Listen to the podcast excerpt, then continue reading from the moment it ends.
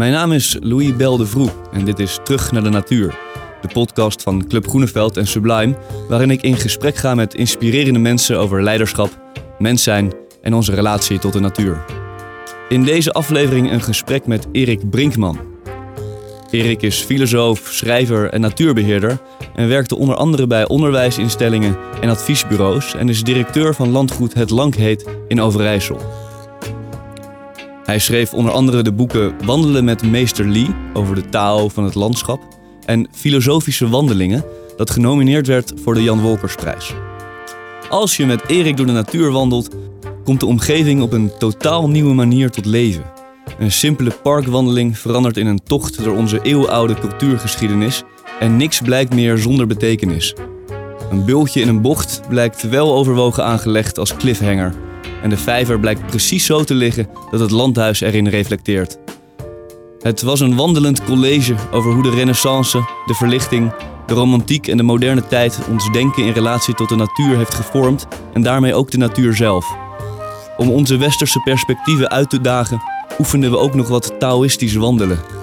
Erik pleit ervoor om de buitenruimte in te gaan, om binnen en buiten in elkaar te laten overgaan om zo te werken aan een andere houding en omgang met de kwetsbare ruimte waarin we leven. Maar nog heel even, even terug te komen op waar we, het, eh, waar we het daar straks eh, over hadden. Nederland is dus eigenlijk een heel groot land. Ja. Omdat we met z'n allen 17 miljoen mensen wonen, maar op 15% van het oppervlak. En we komen maar heel weinig buiten. 95% van ons leven brengen we in binnenruimtes door. En zul je zeggen, ja, begint hij nou met cijfers? We zouden toch een filosofisch gesprek hebben. Maar voor de verhoudingen is, zijn cijfers toch wel interessant. Aan de ene kant ben ik allergisch voor cijfers. Ja. Maar cijfers maken natuurlijk ook een heleboel, als je ze goed gebruikt, om het zo maar even te zeggen, maken cijfers ook een heleboel duidelijk. Ja. Uh, dus dat betekent dat we uh, een ruimte hebben om een ecologisch landschap in te richten. Want de manier waarop we het nu doen, dat we alleen maar enkele gewassen hebben op gigantische oppervlakte. Terwijl we op een vierkante meter kunnen we 25 soorten gras we kunnen uh, meerdere uh, bomen en vruchtplanten op een vierkante meter planten. Ja, die boom neemt uiteindelijk die vierkante meter wel in. Dat is, dat is natuurlijk zo. Maar we kunnen een ongelooflijke variëteit op een vierkante meter creëren. Ja. En wat we nu, nu doen is een ongelooflijke monotonie creëren op een enorm oppervlak. Hmm. En dat is, dat is gewoon dat is ongelooflijk zonde. En dat is de uitputting van het, van het, van het landschap. Dat wordt eigenlijk alleen maar gezien als, als, een, ja, als een substraat. Het is verdroogd, vermest, verzuurd en, uh, en, en verdicht. Uh, het levert niks meer op, want wat het oplevert, daar zitten veel, veel minder voedingsstoffen in dan, dan vroeger. Ja. En het stoot enorm veel broeikasgassen uit. En het proces zelf, het mechanische proces nog eens een keer, een heleboel uh, stikstof. Althans die mest en de mestverwerking. Ja. Ja, we hebben, we, er liggen kansen. Er liggen kansen, dat wil je niet weten. En uiteraard moet dat, moeten die boeren daarin geïntegreerd worden. Want zonder boeren geen landschapsbeheer en onderhoud. Alleen, ze moeten heel andere dingen gaan doen. Ja. En dan ligt er een gouden toekomst voor ons open. He, dus laten we, ik, ik, ik, ik zal in, in dit gesprek regelmatig mopperen. Maar eigenlijk ben ik optimistisch. Ja. we krijgen die, die plensbuien over ons heen, die stormen. En er, er, er gaan hele vervelende dingen eh, overal ter wereld gebeuren. Maar we zijn alle, zitten nu allemaal in het schuitje. Dus we gaan uiteindelijk ook een vorm vinden om elkaar te, te helpen. En die mensen in die landen zelf, bijvoorbeeld in, in Afrika, die zijn al begonnen met bomen planten. Want die snappen precies hoe het werkt. En dat zijn nog bomen die zijn verwijderd om in de plaats te komen voor, voor moderne zeg maar, westerse landbouwgewassen. Nou, die, die zijn allemaal verdroogd en die doen niks meer. En er moet ongelooflijk veel kapitaal in gestopt worden, wil je dat een beetje aan de gang houden. Die bomen, daar hoef je niks voor te doen. Die groeien, die geven vrucht, goed bladmateriaal voor de, voor, uh, de vitalisering van, uh, van de bodem, schaduw. En ook het hout uiteindelijk levert uh, de boeren heel veel op. Ja. Dus die komen vanzelf weer terug op bomen die je daar goed doen. En aan de rand van de, uh, van de Sahel ontstaan eigenlijk weer nieuwe landschappen. Nou ja, nieuw is dus een oude landschappen zou je Ja. kunnen, zoals het vroeger deden. En daar, gaan we, daar zullen we er wel naartoe moeten, naar dat soort eh, slimme, oorspronkelijke oplossingen. Daar Ja. komen we nog wel over te spreken. Ja, ik wou, dus we zijn, eh, we zijn inmiddels al mondiaal aanbeland. Eh, we zijn van, van Nederland naar, naar Afrika en, en naar de hele wereldproblematiek. Hebben we eigenlijk al de eerste twee minuten gepakt. Maar misschien ook leuk om even te landen of te beginnen waar we nu zijn. We liepen net langs de Heilige Bergenbeek Ja. in het centrum van Amersfoort. En we lopen nu door een prachtig hek eh, met eh, nou ja, goud geverfd eh, spitsen. Eh, zo lopen we het park Randenbroek Randenbroek binnen. Ja. En waarom zijn we hier? Nou. En hoe dat- ziet het eruit? Dat is misschien ook het leuk. Maar het is misschien wel aardig bij het hek te beginnen. Want ik bedoel, ook dat hek is, is 19e eeuws. Eerste helft van de 19e eeuw. En toen was het geen park, maar een landgoed. Dat lag buiten. Eh, het staat ook eh, in de koopakte eh, beschreven. Een kwartier gaans van de stad. Nou, we hebben, we hebben het volgens mij in, in, in zeven minuten gelopen. Dus ik weet niet of men toen langzamer liep. Bleek me niet, want wij zijn, dat, wij zijn daar niet meer in getraind. Maar Misschien toch iets extra bijgebouwd de afgelopen ja, jaren. ja, ja. Nou ja, dit is blijven liggen. En, en, en, en, en het oude centrum is ook blijven liggen. Ja. Dus, dus ik, ik snap het eh, tijdsverschil niet. Maar goed, het is nu een stadspark geworden.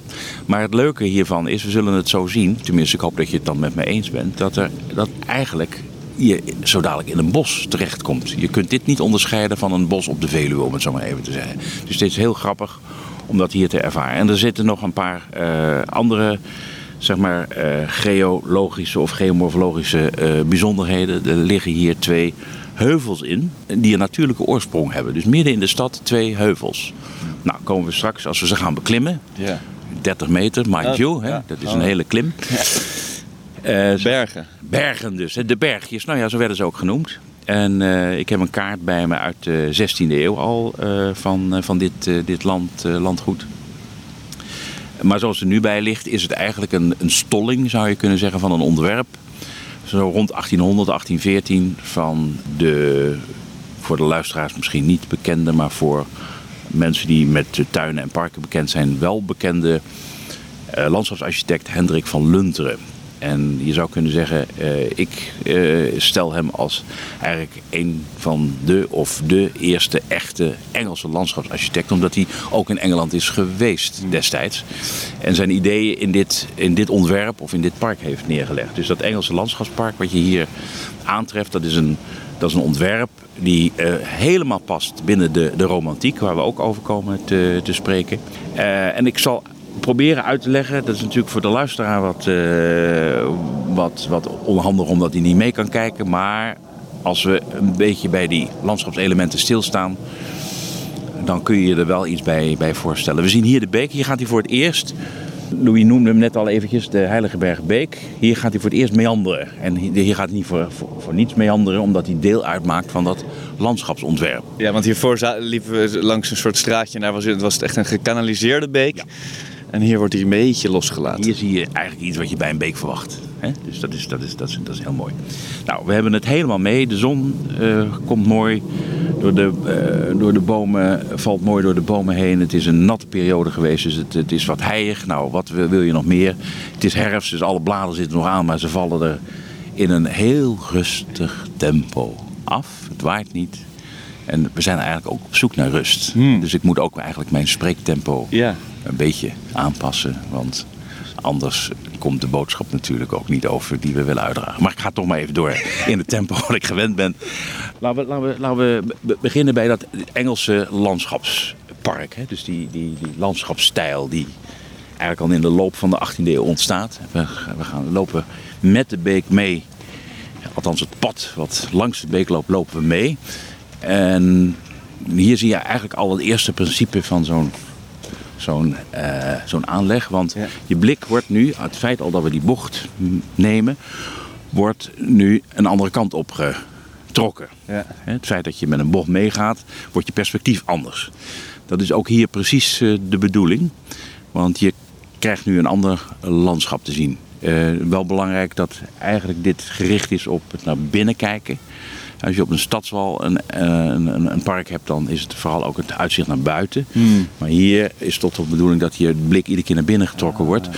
Maar zo langs die beek mag je nog een paar uitkijkjes hebben naar buiten voordat je het park ingetrokken wordt. Dus we lopen nu langs de beek mee naar de bocht. We hebben een nieuwe bocht en die bocht ligt er ook niet zomaar. Dat is allemaal een ontwerp. Hè. We denken hier een, een, een leuk frivol park rond te lopen, maar er is heel veel over nagedacht. Want zo'n park moest bij mensen emoties oproepen. Je moet je voorstellen, mensen gingen helemaal niet wandelen in de 18e eeuw, begin 19e eeuw. Dat moest allemaal nog komen. Lopen, dat was voor de mensen die die het eenvoudige werk deden. En dit soort parken was voor mensen die uh, dat niet deden. Uh, tijd hadden. En, en tijd hadden. En zich konden, zich konden verbazen over de natuur en het, en het leven. Die hadden daar de, de tijd voor. Maar ook de elite kwam niet, buiten die, kwam niet veel buiten die stadsmuren. Die hadden misschien een theekoppeltje ergens. Of een binnenhuis en een, en een, en een buitenhuis aan, aan we kennen allemaal de vecht, vecht maar aan dit soort aan dit soort beekjes uh, waren ook allemaal van die landgoederen. Want dat is specifiek Nederland. In Engeland had je, de, de, de, had je natuurlijk toch ook de, de elite van toen, zullen maar zeggen, waren groot, groot uh, grondbezitters vaak. En... Ja, maar in Nederland had je een enorme middenklasse. Veel groter dan waar ook uh, in, in Europa. En die middenklasse was behoorlijk bemiddeld. Hè? En die kon zich permitteren om, ook, ook, ook de kleinere ondernemer die had wel een theekoppeltje. Die kon dan geen, zich geen buiten permitteren, maar die kon dan wel een theekoppeltje met wat personeel die letterlijk en figuurlijk de thee klaarzetten. En dan gingen ze een paar honderd meter buiten de, uh, buiten de stad wandelen. Nou, dat was een hele tour. Ja. En dan zetten ze zich daar neer en dan gingen ze een uh, keuvelen, pijp, uh, pijp erbij, de mannen en, en, en, en de vrouwen gescheiden natuurlijk. Uh, en, en nou, bla bla bla. maar dat, dat was al een hele onderneming om naar dat, dat, dat, dat koepeltje te gaan. Dus die middenstand die, die had behoorlijk wat mogelijkheden om, om zich een buiten te permitteren. Maar er was wel degelijk een drang naar buiten. Er was dus de relatie met de natuur was toen wel, wel aanwezig dat er een, iets van een relatie was tot die natuur. Nou ja, die komt, die komt dan op, zou je hmm. kunnen zeggen. Want dat natuurbewustzijn dat is echt iets wat je in die 18e eeuw ziet, uh, ziet ontstaan. In Nederland hebben we die traditie wel wat langer. Want we hebben natuurlijk de Hollandse landschapsschilderkunst. Die hmm. ontstaat in de 17e eeuw. En die heeft ook uh, bijzondere oorsprongen. En je zou ook zo'n park als dit, dit heet dan wel een Engels landschapspark, maar zoals we weten is stadhouder Willem III koning van Engeland geworden in 1688. En die nam een heleboel hoveniers mee. En Nederland had al een traditie van veel bomen planten in parken.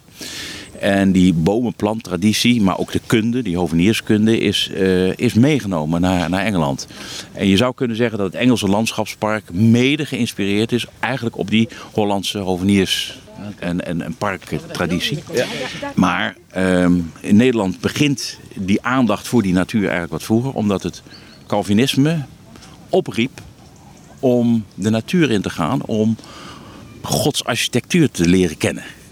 Uh, in, in, het, in het katholicisme, uh, daar speelt het Augustiniaanse gebod een hele belangrijke rol. Dat je niet te veel moet laten verleiden door de natuur, maar naar binnen moet. Je moet je niet door het mooie laten verleiden, maar je moet het mooie in je eigen binnen uh, zien te vinden. Dus eigenlijk in navolging van Christus, nou ja, dat is dan wat later dan nog door de moderne devotie uh, wordt, wordt uitgewerkt. Maar in navolging van Christus volg je je innerlijke weg. En, niet, en daarbij is alles wat je buiten ziet, is eigenlijk een soort van verleiding, is afleiding.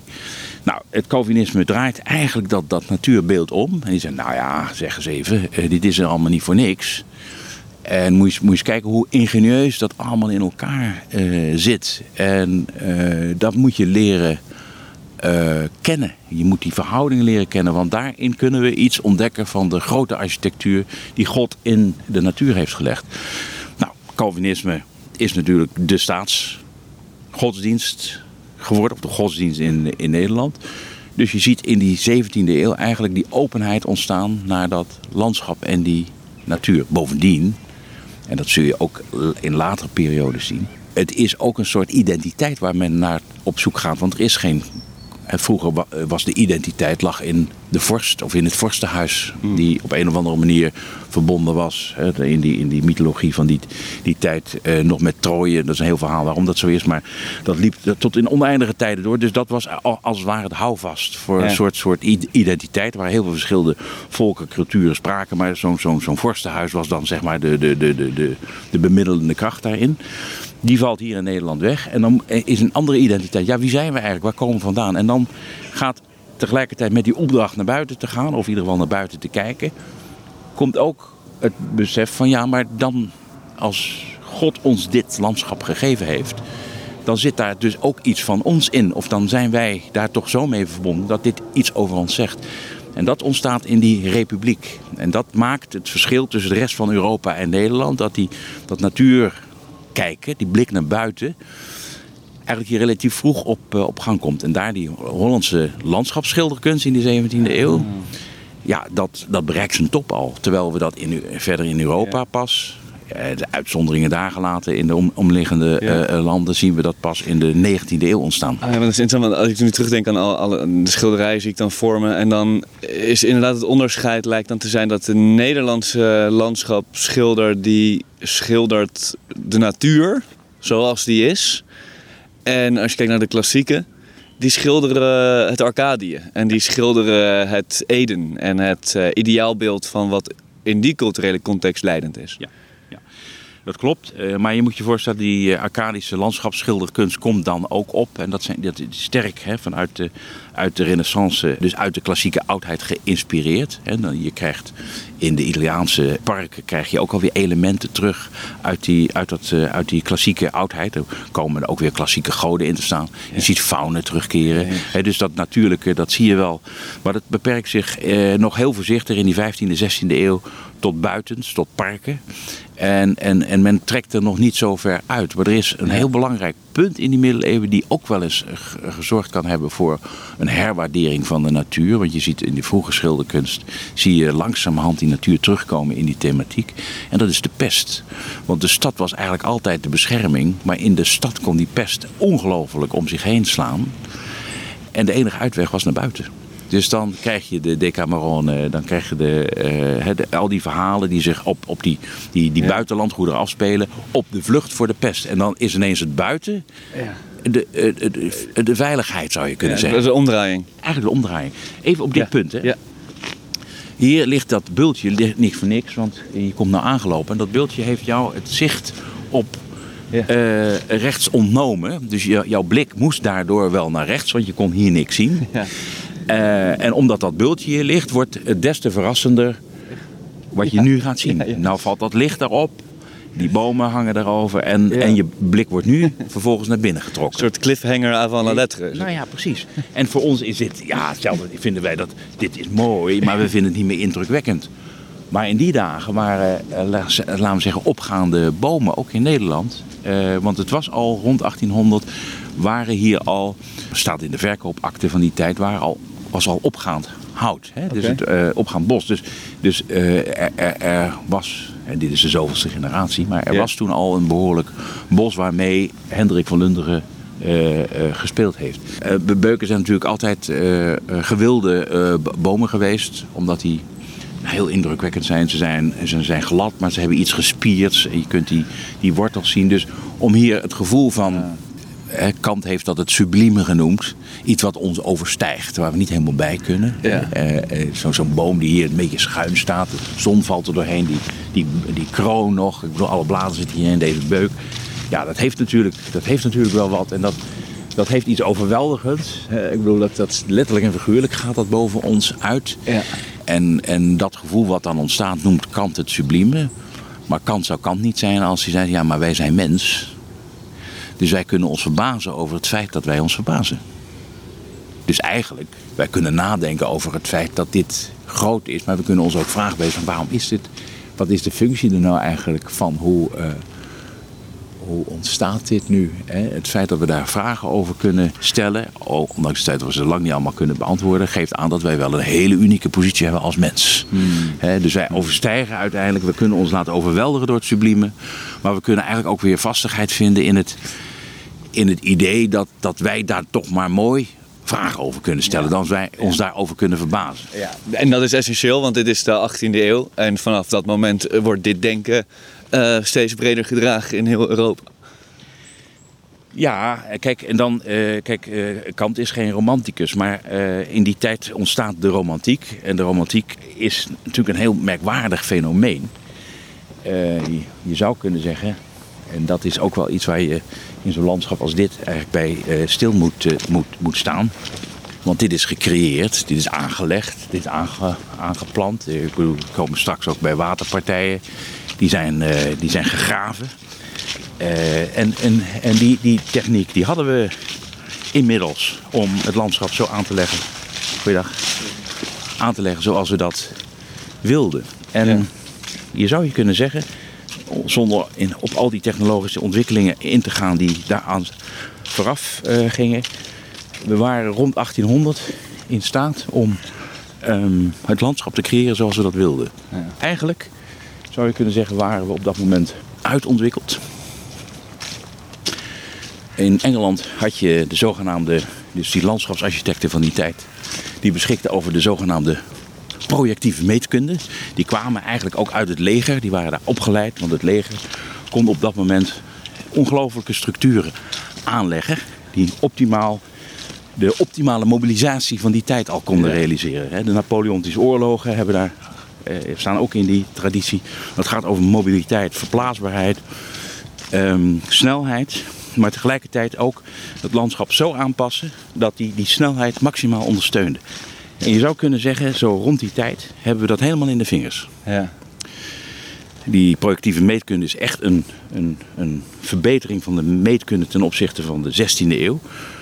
Toen eh, had je een optimalisering van de driehoeksmeting. Eh, Daarna is, het, is die meetkunde door, hier in Nederland door Stevin en later door Huygens, eh, Newton en weer de vertalingen daarvan zo geoptimaliseerd. Descartes en Huygens. En Huygens corrigeert Descartes weer.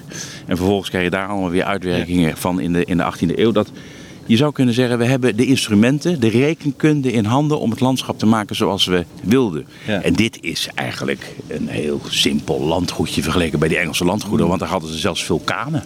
Oh ja. Er stonden mensen s'nachts met kolen te scheppen. Om die met, met loopbandjes werden die uit, uit een vulkaan gesproeid.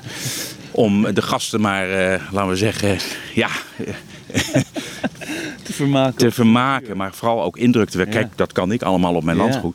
Ja. En de bergen werden aangelegd waar ze niet waren. Rivieren werden aangelegd, verlegd. Dat, dat, dus, en, ja. dus, dus de, de ultieme maakbaarheid, waar we ook nu nog steeds de echo's natuurlijk van ondervinden, uh, die, die ontstaat het moment eigenlijk dat we de natuur onze wil op kunnen leggen. Ja, en vanaf, vanaf dat moment is de natuur dus niet gevaarlijk meer. En uh, kun je mooie landschappen aanleggen. Want voor die tijd, ja, ik bedoel, uh, je kon van alles, uh, er kon van alles gebeuren in de natuur. We hebben het onder controle. We hebben wapens om ongedierte, hè, toenmalig ongedierte willen we nu graag weer terug hebben. Wolven en beren en weet ik wat. nou, die waren we, destijds waren de mensen blij dat, dat ze er vanaf waren, ja. van die gevaren. het landschap lag over. de logistiek, de wegen waren zo goed dat roverij onder de duim werd gehouden. Want je kon met, met zeg maar, de toenmalige troepen kon je makkelijk, die kon je makkelijk verplaatsen. Dus de invloedssfeer van de mens, dus het, uh, het onwetende, dus, dus vaak is het de plek van het veilige en het onveilige, dat werd steeds kleiner. En eigenlijk werd de, on, de invloedssfeer en, en eigenlijk werd alles van ons in zekere ja, zin. Ja. En, en dan kun je op, op dat moment kun je, zoals we dat dan later zouden noemen, hè, op een romantische manier naar die naar natuur kijken. En dan ja. kun, je, kun je daarin verwijlen, dan kun je daarin lopen en dan kun je echt uh, nou ja, je laten uh, imponeren door die natuur. En eigenlijk is dat een luxe natuur geworden. Ja. En, je, en er ontstaan in het begin van die 18e eeuw ontstaan ook wandelpaden. Het wandelpad is een uitvinding aan het begin van de 19e eeuw. Oh ja. Daarvoor had je geen wandelpaden, want je ging alleen maar lopen om uh, iets functioneels te doen, van A naar B te gaan, iets te vervoeren. En je ging niet onnodig, je ging niet onnodig uh, ging je een rondje lopen. Maar op het moment dat uh, die mobilisatie op gang komt, laten we zeggen de massa de meerderheid van de bevolking, dat ging in Nederland natuurlijk later dan in andere landen, maar in ieder geval uiteindelijk ook vervoerd wordt naar plekken van productie. Ja. Op dat moment wordt lopen minder gewoon. Mensen blijven of op de locatie werken, want hoefden niet meer dat soort afstanden te lopen. Of ze werden vervoerd. Hmm. Dus lopen was niet meer de standaard manier om eh, ergens naartoe te gaan. En dan ontstaat het wandelen. Want dan kun jij, als jij je wil onderscheiden en, en je hebt de tijd, je hebt de luxe en het geld van de tijd. Nou, dan ga je dus wandelen. En dan zie je dus inderdaad dat die bourgeoisie in de in, in, eh, in het eerste helft van de 19e eeuw, die gaat dus wandelen. Er ontstaan in, in Fontainebleau, onder, eind onder Parijs, ontstaan dus de eerste wandelpaden. En er, eh, op een gegeven moment, rond 1850, zijn er wel 25.000 mensen die dat in, in, in het jaar doen. Dat zijn een, voor die tijd enorme aantallen. Die gingen wandelen. Oké, dus ik begrijp nu dat de, het wandelen ontstaat. De natuur is uh, getemd. Uh, het gevaar is geweken. Uh, we wandelen minder, dus dat gaan we combineren. Maar de romantiek stelt toch ook dat juist de woeste natuur en het ongeronde landschap en het gevaar en nou, de, de, de, grote bergen, daar zit toch ook een vorm van uh, de woestenij als kracht of als, als spiegel van wat wij ook uh, ten diepste in onze emoties ervaren. Ja. En dat is weer anders dan het, dan het wandelen. Absoluut, absoluut. Maar dat is waar ik het net over had, dat heeft met dat sublieme te maken. Ik, hier, ja. we, zijn er, we zijn er dichtbij, zal ik iets van dat, van dat sublieme uh, laten zien. Eigenlijk op een hele knullige manier is dat hier. blijft Nederland. Blijft Nederland. hè? Je ziet daar al die, die, die, die rotspartijen liggen. Het knullige sublieme. Het knullige sublieme. Althans. Uh, en dat hebben ze weer hersteld, maar dat is destijds echt hè, in, deze, in die, die periode, begin 19e eeuw, aangelegd. Oh ja. Dit was een, een waterval uit. Wat, hè, men, men ging ook wat uh, meer reizen. Hè? En, en komt dan in, in België en Duitsland. En sommigen gingen zelfs naar Zwitserland. Uh, het was natuurlijk al even zo dat de, de welgestelde jeugd dat soort reizen maakte. En nou, dan kom je bij zo'n berg, waterval. Daar zit Ja. ook zoiets in van eh, het woeste, het natuurlijke. En, en, en, en, die, en die rotsen, die stenen die natuurlijk heel Ja. hè, de, de, de, de eeuwen trotseren. Misschien wil je, want de luisteraars die horen denk ik wel de, de woestenij van het eh, water wat naar beneden rolt. Maar misschien kan je het ook een beetje omschrijven waar we, waar we staan en hoe het eruit we, staan, ziet. we staan nu voor de vijver van het, eh, het huis Randenbroek. Dit is een, eh, een 18e eeuwse variant van het oorspronkelijke 17e huis. eh, eh, eh, wat weer door Jacob van Kampen in de 17e eeuw is eh, herbouwd. En die heeft hier een vijver aangelegd. Dat was nu nog niet deze vorm. Was gewoon een rechthoekige, hè, een symmetrische vijver. Want dat was in die tijd nog zo. Die tuinen werden symmetrisch aangelegd. Maar naar het Franse, Franse eh, voorbeeld.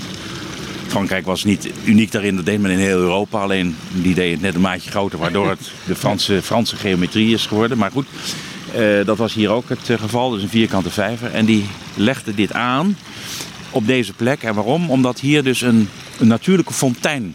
er was zo, zoveel kweldruk hier dat als je, dat, als je daaromheen, eh, laten we zeggen, de druk met stenen verhoogde, dan kon je dat water naar één punt leiden en dan kreeg je een fontein.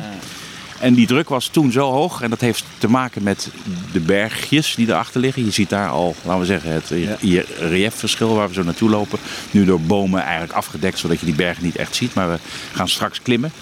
Maar die druk, dus dat heeft met die bergen te maken, kom ik zo op terug. Maar die druk was hier zo hoog dat Jacob van Kampen hier een vijver met een, een grote fontein van, ik geloof wel drie of vier meter hoog. Ik weet niet, zoveel voet. Ik dacht drie, drieënhalve meter hoog. Een natuurlijke eh, bron, dus dat kun je nagaan. Dus daarom heeft hij hier die, eh, die vijver voor zijn huis laten aanleggen.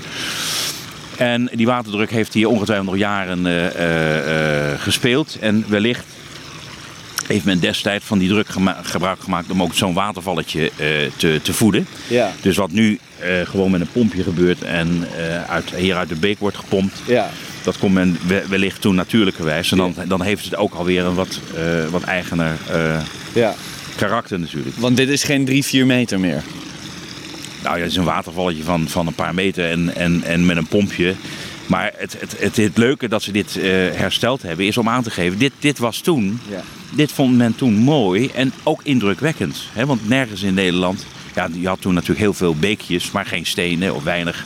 Ja, dat is een ander verhaal, dat gaat over de veldkeien en dat soort dingen meer. Maar laten we zeggen, dit soort rotsblokken Ja. eh, eh, heb, je, heb je niet zomaar, eh, eh, laten we zeggen, eh, bij de hand. Dus dit moest echt een Zwitsers of een Duits voorbeeld eh, eh, zijn van een, van een berg, bergbeekje. En dat is waar jij naar vroeg. Ja. Dat is dat, het moest ook wel overweldigend zijn. Je moest ook wel nou ja, Gods natuur ervaren. Want dat zie je in die 19e eh, eeuw met zo'n die landschapsschilder. Je noemde hem daar straks al buiten voor dit gesprek Caspar David Friedrich. Dat was een romantische schilder, eigenlijk de romantische schilder zou je kunnen zeggen. En die, en die beelden in feite de natuur uit waarin je, ja, waarin je de aanwezigheid van het opperwezen er eigenlijk afdruipt, om het zo maar even te zeggen. Hè. En, en je kon er niet omheen. Je kon er niet omheen. Hè. Dat is, dat is, dat is zo. En, en, en zo moet je dat ook, ook zien. Uh, dat men aan de ene kant dat het veilig was geworden.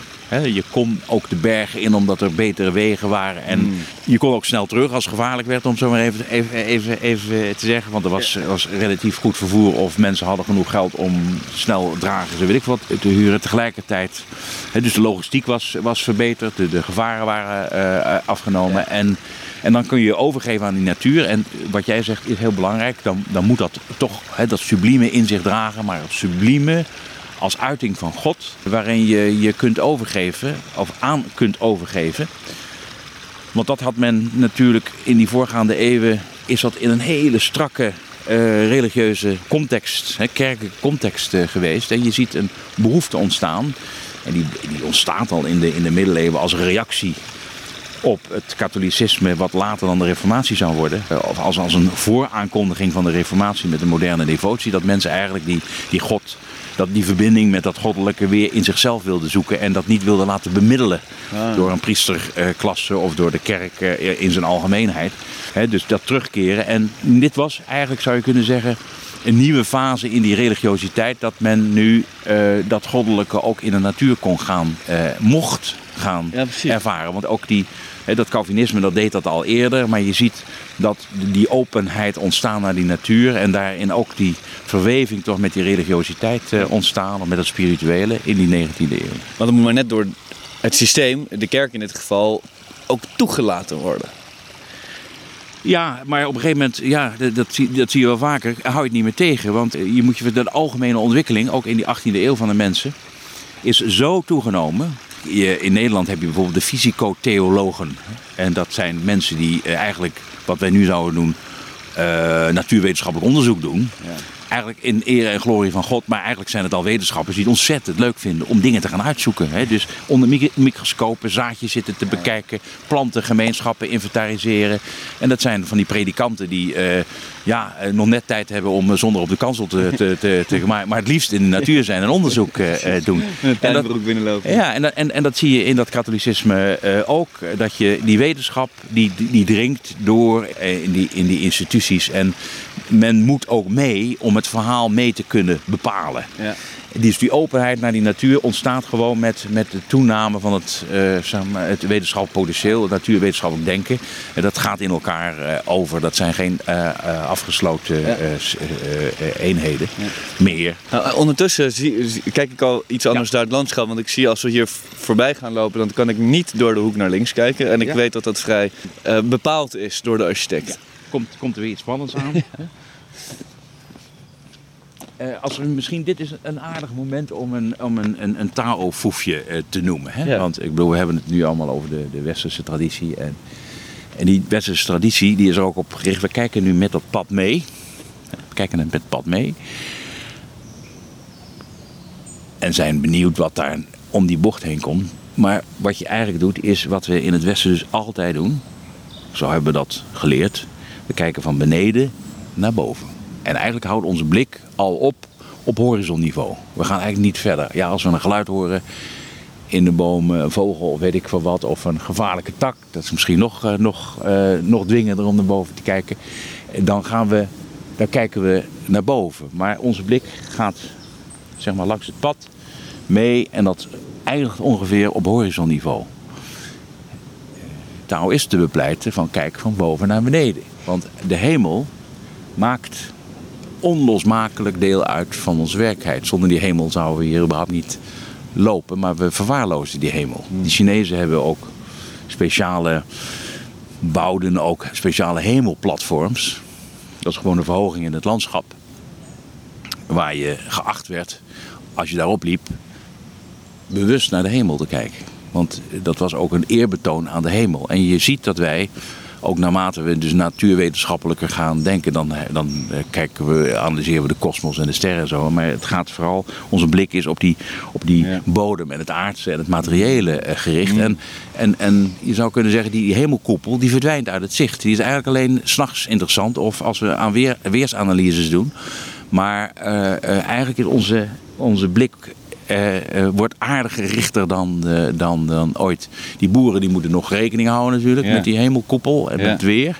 Maar we gaan steeds minder naar boven kijken. Ja, interessant als je kijkt naar de steden, hoe die zich ontwikkelen. Dat als je rondloopt tussen de hoge gebouwen, dan is een hemel eh, weinig aanwezig. Weinig aanwezig.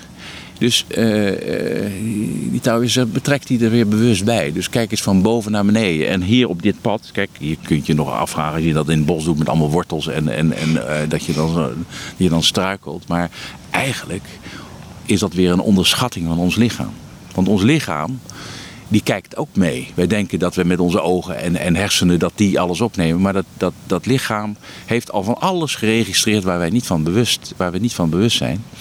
En eh, als je bewust dat lichaam er bewuster bij betrekt. En dat doe je bijvoorbeeld door naar boven naar beneden te kijken. En niet te angstig te zijn dat je struikelt over wat dan ook.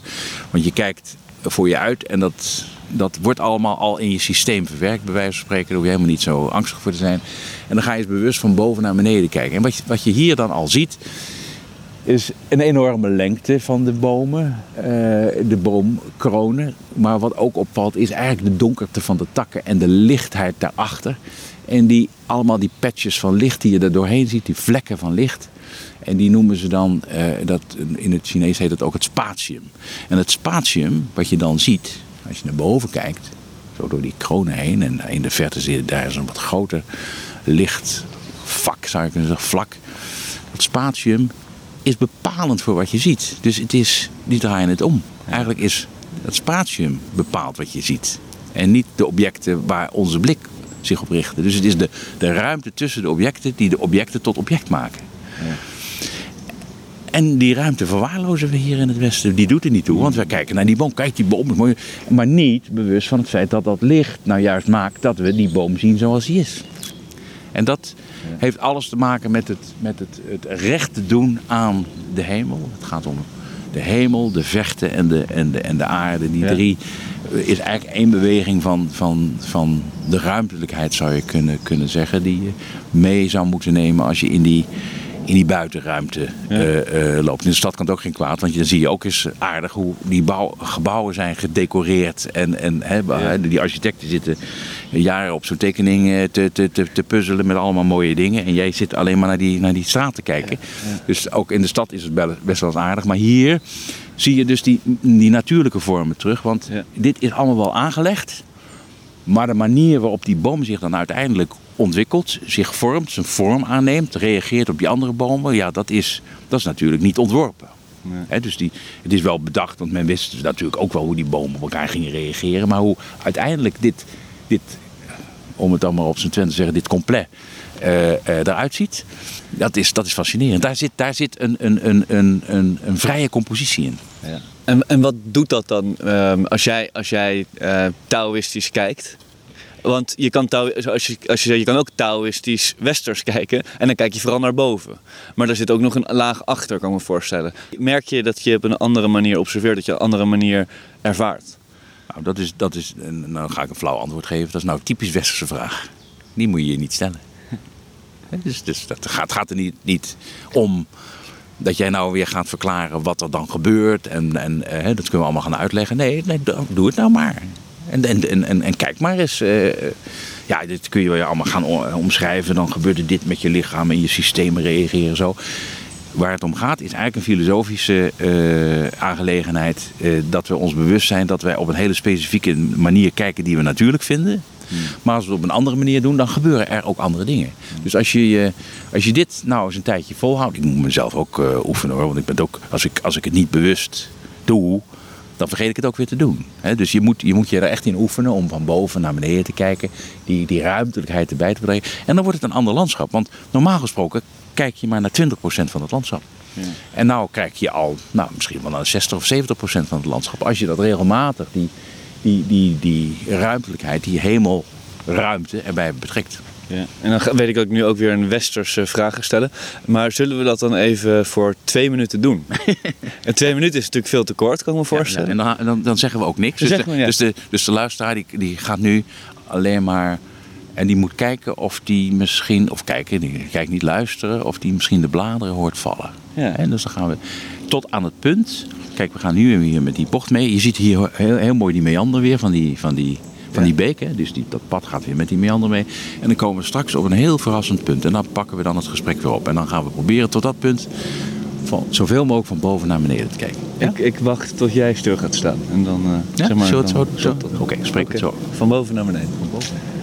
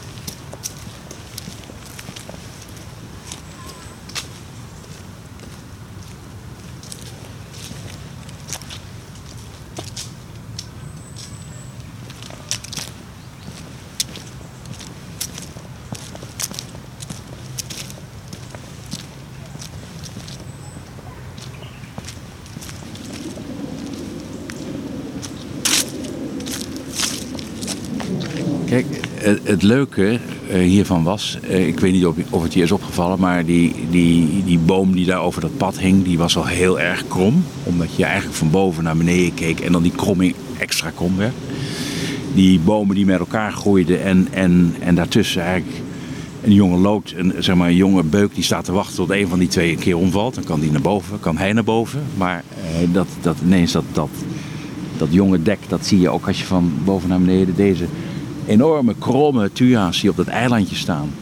Ja, die zijn, nu ik hier naar boven en beneden loop, want als ik hier wat vaker loop, dan loop ik ook veel te veel de OH, dus dan zie ik het ook niet. Maar nu vallen, valt die enorme kromming maar eigenlijk uh, op. Dus uh, er ontstaan gewoon andere beelden, andere hmm. vormpatronen die je opvallen. Je, lo je, loopt ineens onder een koepel van bomen. Ja. Dat, dat, dat is, uh, en ook een beetje onwennig. Dus het systeem moest nog wennen aan het feit dat het tegen me zei: kijk nou toch naar de grond, jongen. Um, we staan niet voor niks hier stil. Hier hebben een bankje. En dat bankje kijkt uit over die waterpartij naar dat huis. En als we nou hier staan. Dit is ook weer een bewust optisch effect wat hier gecreëerd wordt. Je kijkt eigenlijk tussen bomen door over het water naar dat huis. Ja. Wat weer spiegelt in het water. En dat huis wordt daar enorm groot door. Dat is ook een, dat is gewoon een trucje uit die tijd. En, en je verwacht dit niet. Je komt hier die bocht door en ineens kijk je terug op het huis, want je bent daar langs gelopen en nou ja, eigenlijk niet gezien. En nu ineens, woem, staat daar aan het eind van het wateroppervlak, het kronkelende wateroppervlak tussen die bomen, staat dat mooie huis. Eigenlijk verdubbeld in grootte door de weerspiegeling in het water. Komt daardoor heel extra prominent naar, uh, naar voren. Wat je hier ziet is ook typisch voor zo'n... Eh, hier loopt het water omheen, dus dit is een eilandje. Zelfs eh, de dag van vandaag, wij zullen ook nou niet direct onze broek opstropen en schoenen uitdoen om naar het eilandje te lopen. Dat is iets wat, wat uh, in zekere zin onbereikbaar is. Ja. Uh, en zeker in die tijd, als je met je mooie jurk rondliep en weet ik veel wat, dan ging je al helemaal in die blubber niet door. Dus dat is iets wat, wat nou ja, in, die, in die architectuur van die tijd, in feite ook, hè, ja, je zou dit als de Styx, uh, kunnen, ja. de Styx kunnen voorstellen. Dus de, de Dode rivier, daarover ligt het land der doden. Uh, iets wat uh, echt aan de overkant van het water ligt. Nou, daar werden ook vaak mensen begraven. Hè. Er stonden ook wel hmm. tombes, of het waren fantasietombes, dat het follies waren. Maar dat het een soort van die Romeinse tombes waren die dan op zo'n eilandje werden meer. Maar in ieder geval de vergankelijkheid moest dat, Moest dat uitdrukken of benadrukken, zou je kunnen zeggen. Ook in zo'n, uh, uh, was je onder de indruk, hè, was je gemoed eigenlijk onder de indruk. Je werd ook weer met de eindigheid geconfronteerd hmm. en met de overgang naar een andere wereld. Of hoe je het ook wil, wil zien. dus dat, zo'n eilandje heeft ook weer zo'n zo'n betekenis. En heeft het ook andere begroeiing gekregen? Nou, die Tuya is een levensboom, dus, hè, dus ik bedoel, dat zal daar ook eh, mee, eh, mee te, te maken hebben. Dood en leven gecombineerd. Uh, en dit is, dit is echt een principe wat vaker werd toegepast. Dat het eilandje vaak een symbolische waarde had. Ja, ja, de overgang. Uh, en zo werd op zo'n eilandje begraven in Frankrijk. Uh, op, dat, op dat landgoed waar hij te gast was. Uiteindelijk is hij dan in, in, in, het, in het ere, de eregalerij, de Pantheon uh, Parijs bijgezet. Maar, maar in eerste instantie is hij ook op zijn eiland uh, neer. Dat, was in die tijd. Uh... Maar werd dat ook, was dat dan ook een tijd waarin symboliek en verhalen een prominentere rol hadden in het dagelijks leven? Wist men was dit allemaal onderbewust en natuurlijk door de architect bewust gedaan. Maar nou, het feit dat je al zegt dat de, de tombes wel degelijk daar ook werden neergezet, dat lijkt alsof dat een tijd was waarin meer over dit soort symboliek werd geplaatst en meer over werd nagedacht. Nou ja, het, het, symbolisme komt in die, in die eeuw en zeker ook uh, een eeuw later, dus rond 1900, eind 19e eeuw, begin 20e eeuw, komt dat verhevigd terug. Uh, maar ook in de romantiek uh, speelt het al een rol als een soort hang naar iets wat vroeger, je zou kunnen zeggen, intrinsiek in de cultuur aanwezig was. Alles geweest naar alles. Er was niets en bij wijze van spreken, hier, je ziet hier een beschroeiing met paaltjes. Nou ja, dat is nu gewoon functioneel aangelegd. Maar je, je kunt er vergif op innemen dat in de middeleeuwen, als er, als er zo'n constructie was gemaakt, dan was het een bepaald aantal paaltjes. Wat weer correspondeerde met een, met een vergankelijkheidsthema, ik noem maar wat. En met een bepaald getal. En als je dat weer deelt door de oppervlakte van dat. En dus, eh, laten we zeggen, overal waren verwijzingen, type bomen wat je uh, koos, de kleuren van de bloemen. een berg was niet zomaar een berg, maar het was de berg van Sion. Maar, maar, dan, maar, dan, leef je toch eigenlijk in een totaal andere omgeving. Want dan, is het, dan, is het, dan leef je eigenlijk in een betekenisvolle omgeving. Exact, exact. En dat verdwijnt vanaf de renaissance verdwijnt eigenlijk die middeleeuwse tekenstructuur, die tekencultuur. Die blijft natuurlijk nog heel lang doorwerken. Uiteindelijk ook in de vrije tekeningen van Rembrandt in een landschapje staan er drie eiken. Nou, er zijn er niet voor niks drie. Precies. Ja.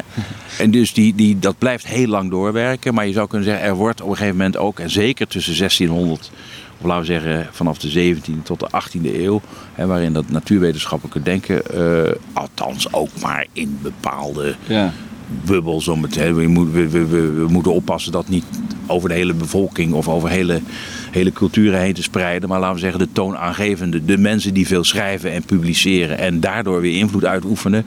Daar zie je een steeds verdere verwijdering van, van, dat, van die, die symbolische interactie. En veel meer teruggaan naar van wat, wat zijn eigenlijk te berekenen. Ja. Uh, hoe, hoe bereken je de wereld en niet hoe uh, laat je de, ja, hoe ga je op in de verwijzingswereld? Want dat, zover was men natuurlijk ook al, dat dat, dat een, een, een, een, een christelijke thematiek was die heel erg naar zichzelf en naar de innerlijke, eh, interne betekenis verwees.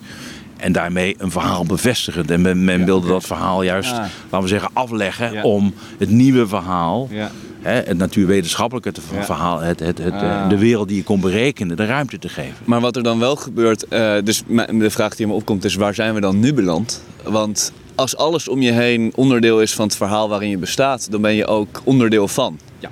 En zodra je nou ja, een nieuwe wijk maakt die volledig functioneel is en nou, wij weten niet meer hoe we ze moeten noemen, dus het wordt maar wijk uh, C of wijk uh, groen. Ja. dat geeft ook aan dat er een dan ben je ontkoppeld van een verhaal. Ja, ja hè, dus die, uh, en, en het is ook bewust, bewuste keuze geweest vanaf de uh, 19... Over, dat is ook de oorzaak van de romantiek. Hè. De romantiek die verlangt terug naar dat, naar dat verwijzingssysteem... waar eigenlijk het hele lichaam deel uitmaakte van de, de kleuren, de geuren, de vormsymboliek. Hè. We, eigenlijk ontstond de behoefte al weer om het is niet voor niks dat je in zo'n park loopt en dat, dat, dat er bepaalde gevoelens moeten worden opgewekt. Van vreugde, verdriet, enthousiasme, het geïmponeerd worden. Uh, dood. Hè, dood. niet voor niks dat dat dat is typisch voor de romantieke terugverlangen in feite naar die middeleeuwen, waar al die, je zou kunnen zeggen, uh, emoties. En natuurlijk werd dat in die tijd ook, uh, maar nog niet uh, onderdrukt waren zoals in de 18e eeuw. Je zou met, met Michel Foucault kun je zien dat, zoals hij dat dan beschrijft, dat proces naar een soort zelfdisciplinering. Dus we hebben niet alleen rond 1800 hebben we de techniek op orde om het landschap te creëren, maar we hebben onszelf ook op orde. We hebben onszelf. En dan heb ik het wel over bredere massa's, dus niet alleen de elite. Want ook alle andere groepen, de middenklasse en, en, en de boeren en, en de en uh, de, de, ambachtsgroepen, zou je kunnen zeggen, die hebben zich eigenlijk al geordend naar een bepaald modelburger. Of, of, of ja, hoe, je, hoe je het moet noemen. Ja. dus je disciplineert jezelf. Je gaat niet uh, zomaar uh, als je in onderhandeling bent, uh, de ander op zijn kop slaan of uh, schelden of wat dan. Nee, dat, dat, dat, dat is wat, je, wat vroeger op die markt. en dat, nee, je moet je inhouden. In, en, en die zelfdiscipline die hij beschrijft, is fascinerend. Er komt er is ook weer heel verhaal. Daar kunnen we er nog, een, nog twee uur over. hoe dat tot stand komt. Maar je zou kunnen zeggen, dat is dat project. Ja. En, en, en een project klinkt alsof er dus een, een, aantal mensen aan de knoppen zitten te draaien. Maar dat is een heel, eh, heel uh, zeg maar... Culturele ontwikkeling. Culturele ontwikkeling, systematiek die ontstaat door, door ook economische belangen die we in elkaar grijpen. Heel ingewikkeld. Maar goed, ook achter, rond 1800 zou je kunnen zeggen, is dat project ook voltooid. Dus we hebben de natuur onder controle. Ja. En we hebben onszelf onder controle. denken we, ja. En dan ontstaat die enorme behoefte uh, om eigenlijk toch weer terug te keren naar die natuur. Dat kan dan ook omdat die natuur onder controle is. Maar die behoefte die krijgt. En tegelijkertijd ook die behoefte om datgene wat vroeger nog niet getemd was. Of wat nog niet zo zelfgedisciplineerd was. Uh, om dat weer terug te vinden. En nou ja, dat heeft ook weer met die natuur te maken. Je mag natuurlijke dingen in je, in, je, in je weer oproepen. Maar we konden dat oproepen. Het is een heel ingewikkeld mechaniek. Konden, omdat we onszelf konden disciplineren. Ja. Het werd er dus ook weer toegestaan, zou je kunnen zeggen. Maatschappelijk toegestaan dat je die emoties toeliet. Die in die eeuwen daarvoor nog gedisciplineerd moesten worden. Okay, dus dat 1800, zo vond ik een heel fascinerend. En waar staan we nu? We zijn zo doorgedisciplineerd. We zijn zo onderdeel. Ik bedoel, wat moeten wij nu zonder die kaartjes op zak? Hadden we net die koffie niet, uh, niet, uh, niet, niet, niet, niet kunnen drinken en zonder die microfoon. Uh, dat zijn allemaal systemen waar we, waar we nu gebruik van maken. Vanzelfsprekend gebruik van maken. We zijn ons niet eens meer bewust van dat we ongelooflijk in die eh, laten we zeggen, nou ja, disciplineringssystematiek. en die we ook gewoon uh, volledig om, omarmen, omdat het zo lekker effectief is. Ja. Wij konden elkaar vandaag precies op tijd ja. ontmoeten. Ja, dat zaakje waar we af hadden gesproken was nou, net vandaag dicht, terwijl die open had moeten zijn. Dus dan, gaan we, oh, oh, waren we al een beetje in verwarring. Dat klopte niet, want op de website stond dat die open was. Oh, oh, oh. Nou, dan gaan we naar een ander zoeken. Maar we zijn ons nauwelijks bewust van die ongelooflijke complexiteit en efficiënt, effectieve afspraken, logistieke wereld waarin we verpakt zitten. Dus die, die disciplinering die is tot, tot, de, tot ultieme proporties, eh, laten we zeggen. En we staan misschien met alle mediatoestanden of communicatietoestanden die, we, die, die nog komen, staan we misschien nog, zelfs nog maar aan het begin. Was dit kinderspel? Dus ja, ja, waar staan we nu? We, we, we, we, beseffen niet eens meer dat we, er, uh, dat we volledig in zo'n, in zo'n uh, uh, ook handig systeem, want daarom accepteer je het. Want ik bedoel, wat moet je nou zonder dat telefoontje? Ja, ik wil vragen, is het erg? Maar wat? Hè? het is niet erg als je er maar ook als, om het dan maar met Heidegger of Martin Heidegger te benoemen, als het jou dient. Techniek is niet erg als het jou dient. Hmm. Maar als jij de techniek gaat dienen, wat je doet door gratis uh, uh, Google Maps te gebruiken. Want al die informatie die jij erin stopt met je, met je, met je zoekfuncties uh, of je zoek je tochtjes. Ja, dat is geld waard. Dus jij, jij bent het product. Ja. En, maar daar moet je verdomd uh, bewust van, van zijn. Want je, uh, anders, je, je moet, nou laat ik zo zeggen, je, je moet, het is net als met, met alcohol, uh, maar ook, nou ja, roken sowieso moet je niet doen. Maar je, je moet daar zonder kunnen. Een glas wijn en een, een, een, speciaal biertje, en dat, dat is allemaal niet erg. Maar als je dat iedere dag moet drinken, omdat je er nou toch echt wel aan toe bent, dan ben je daar aan overgeleverd. Ja. En jij moet de controle houden. En tegelijkertijd moet je er ook weer een beetje soepel mee, mee om, om, omgaan, omdat het gewoon ook voordelen brengt. We hebben het nog nooit zo goed gehad. Het gaat nog steeds ten koste van een groot deel van de wereldbevolking. Laten we wel wezen, dat moeten we ook iedere keer in de gaten houden. Daar moeten echt veranderingen in komen. Maar laten we zeggen, met die techniek, die techniek heeft een deel van de wereldbevolking in ieder geval in staat gesteld om uh, te bereiken wat een eeuw geleden nog onbereikbaar ja. uh, was. Ja. En, en leek. En zullen we dan weer rustig de wandeling opnemen? Uh, en dan de vraag, en, dus waar zijn we nu? Zeg maar, wat ik ook met nu bedoel, is als je in, in de relatie tot de natuur, of in welk verhaal staan we nu? Dus aan de ene kant zeg je, ja, we zijn het verhaal, we zijn helemaal gespecialiseerd. Het verhaal waar we nu in staan is dat we weten hoe ongelooflijk complex die natuur in elkaar zit. En hoe dat tot, tot 15 jaar geleden hadden we het niet over worldwide, uh, worldwide web. Wood, wood. wood web. Hè? Ja. Dat, dat al die bomen met elkaar communiceren. Oh, dat ze in ieder geval informatie delen. Dat die schimmels dingen doen. dat, dat weten we nu allemaal. We worden ons bewust van wat we eigenlijk al wisten want als je vaak buiten komt, en we komen te weinig vaak buiten, om het zo maar te zeggen. Uh, maar als je met dat landschap bezig bent, dan realiseer je ook hoe uh, bomen en planten, de bodem reageert op de manier waarop het is ingericht, waar het mee omgaat. Dus heel veel mensen weten intuïtief al dat die verbindingen er zijn. En nu wordt dat allemaal wetenschappelijk bewezen. Dus een beetje krom. Hè? En aan de ene kant, die techniek drijft ons van die natuur af. Tegelijkertijd levert die heel veel informatie op Waardoor bevestigd wordt wat we eigenlijk al wel aanvoelen. Dus waar staan we nu? We staan nu op een, op een punt waarin we uh, die, die hè, wat, waar vroeger al eh, toe opgeroepen wordt. Hè, laat, laat de grote architectuur God tot je komen. Want dan, nou, eh, of je nou wel of niet God aan wil verbinden, die, die architectuur is zo ongelooflijk fascinerend. En we hebben hem verloren door te technisch te gaan denken en de wereld te technisch te gaan inrichten, waardoor we roofbouw hebben gepleegd. Tegelijkertijd levert die techniek een heleboel informatie op, waardoor we inzien dat we roofbouw plegen. En nu zou je kunnen zeggen, ja, nu staan we wel op een heel cruciaal punt.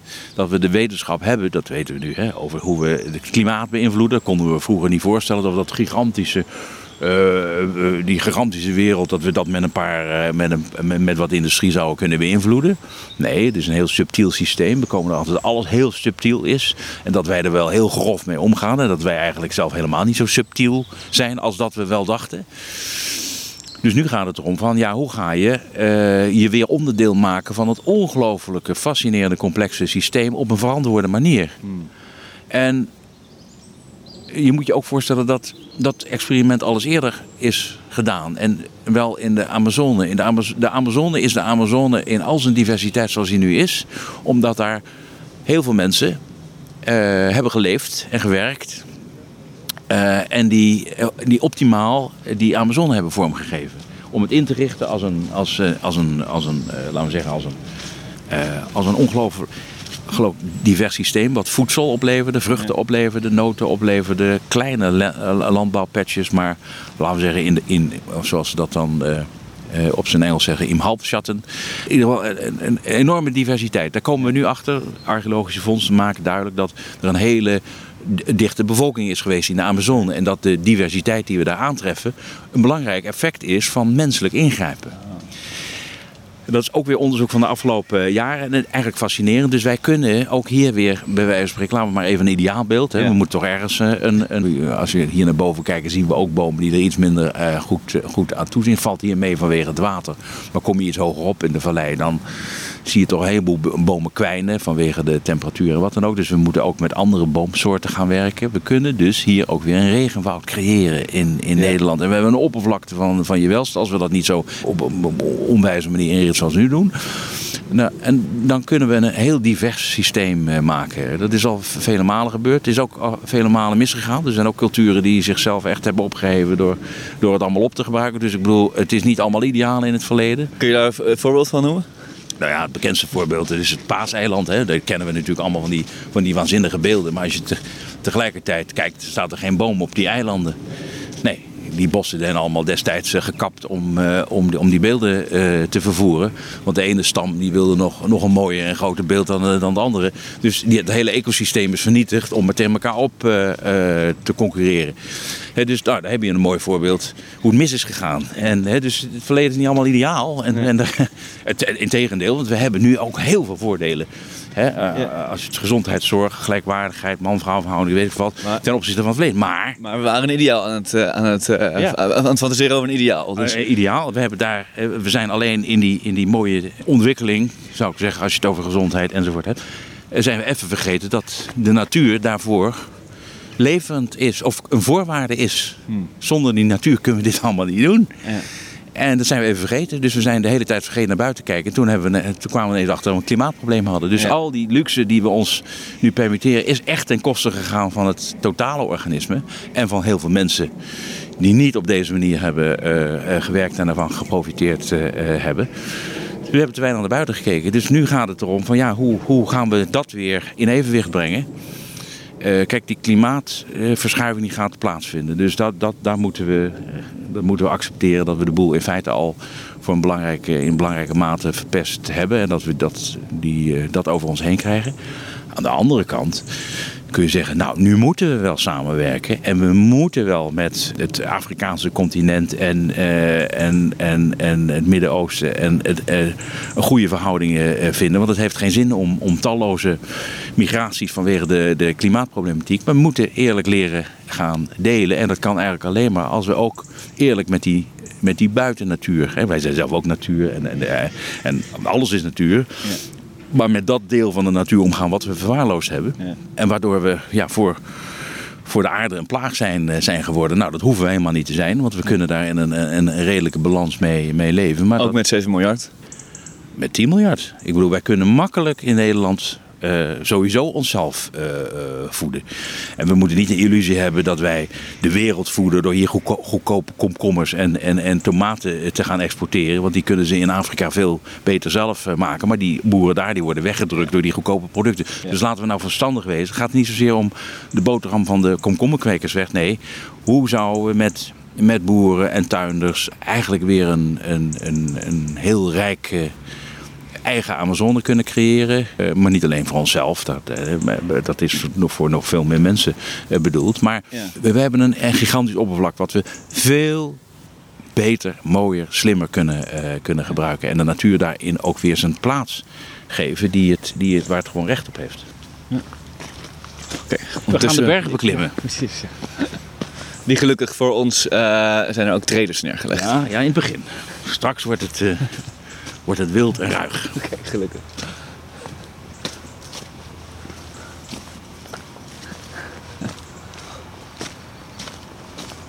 Maar dat is toch wel gek, zo midden in zo'n stad. Ja, dit begint inderdaad op een. eh, nu begint de, de stad op wat geluiden na toch langzaam te verdwijnen.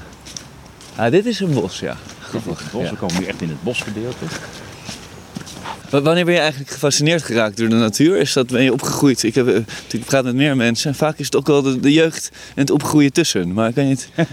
Nee, ik ben eh, geboren en getogen in Rotterdam. Kijk. Waar ik nog geen eik van een beuk kon onderscheiden. Ja.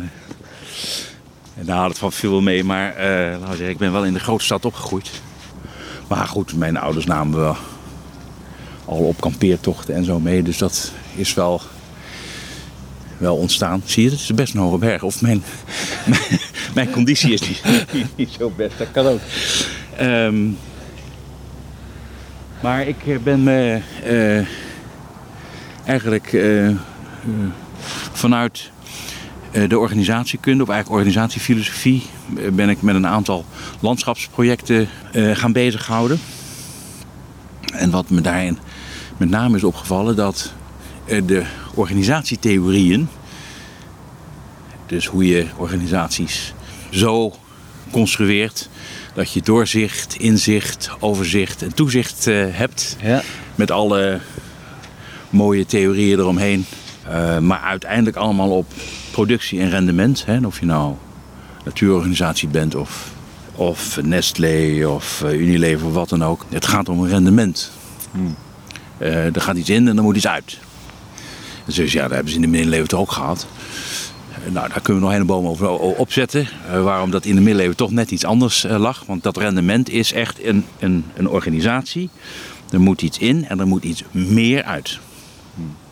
En dat meer, dat heeft te maken met groei. En groei is niet een vanzelfsprekend begrip in de middeleeuwen.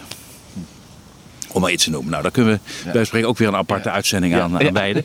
Maar eh, in de 19e eeuw ontstaat de moderne organisatie. Die is dus niet he- helemaal niet zo oud. Die gaat helemaal niet terug tot de Romeinse tijd. De Romeinen die, die wisten niet eens hoe ze een, eh, eh, wat, een, wat een bank was. Ze wisten wel wat geld was. Maar dat, dat creëerde je door weer nieuwe gebieden te veroveren en de boel uit te knijpen. En dan had je je, je, je schatkist weer gevuld. En een banksysteem met, met rente het renteprincipe is eigenlijk een principe wat, uh, wat eeuwenlang, zowel in de klassieke, maar ook hè, dus de klassieke Grieks-Romeinse, maar ook in de Bijbelse traditie, ja.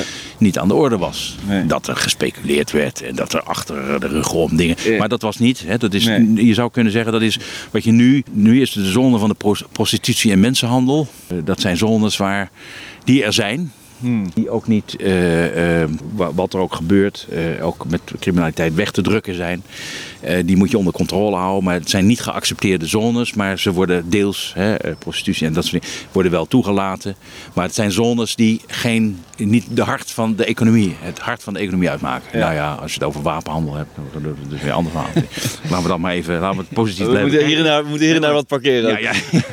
laat, maar laten we het ook positief houden. Maar laten we zeggen, die, in, in, die, in die randzone daar zat wat, wat nu wel de kern is. Namelijk dat geld met geld gemaakt mag worden en hmm. sterker moet worden. Want alles is gebaseerd op het principe geld met geld maken.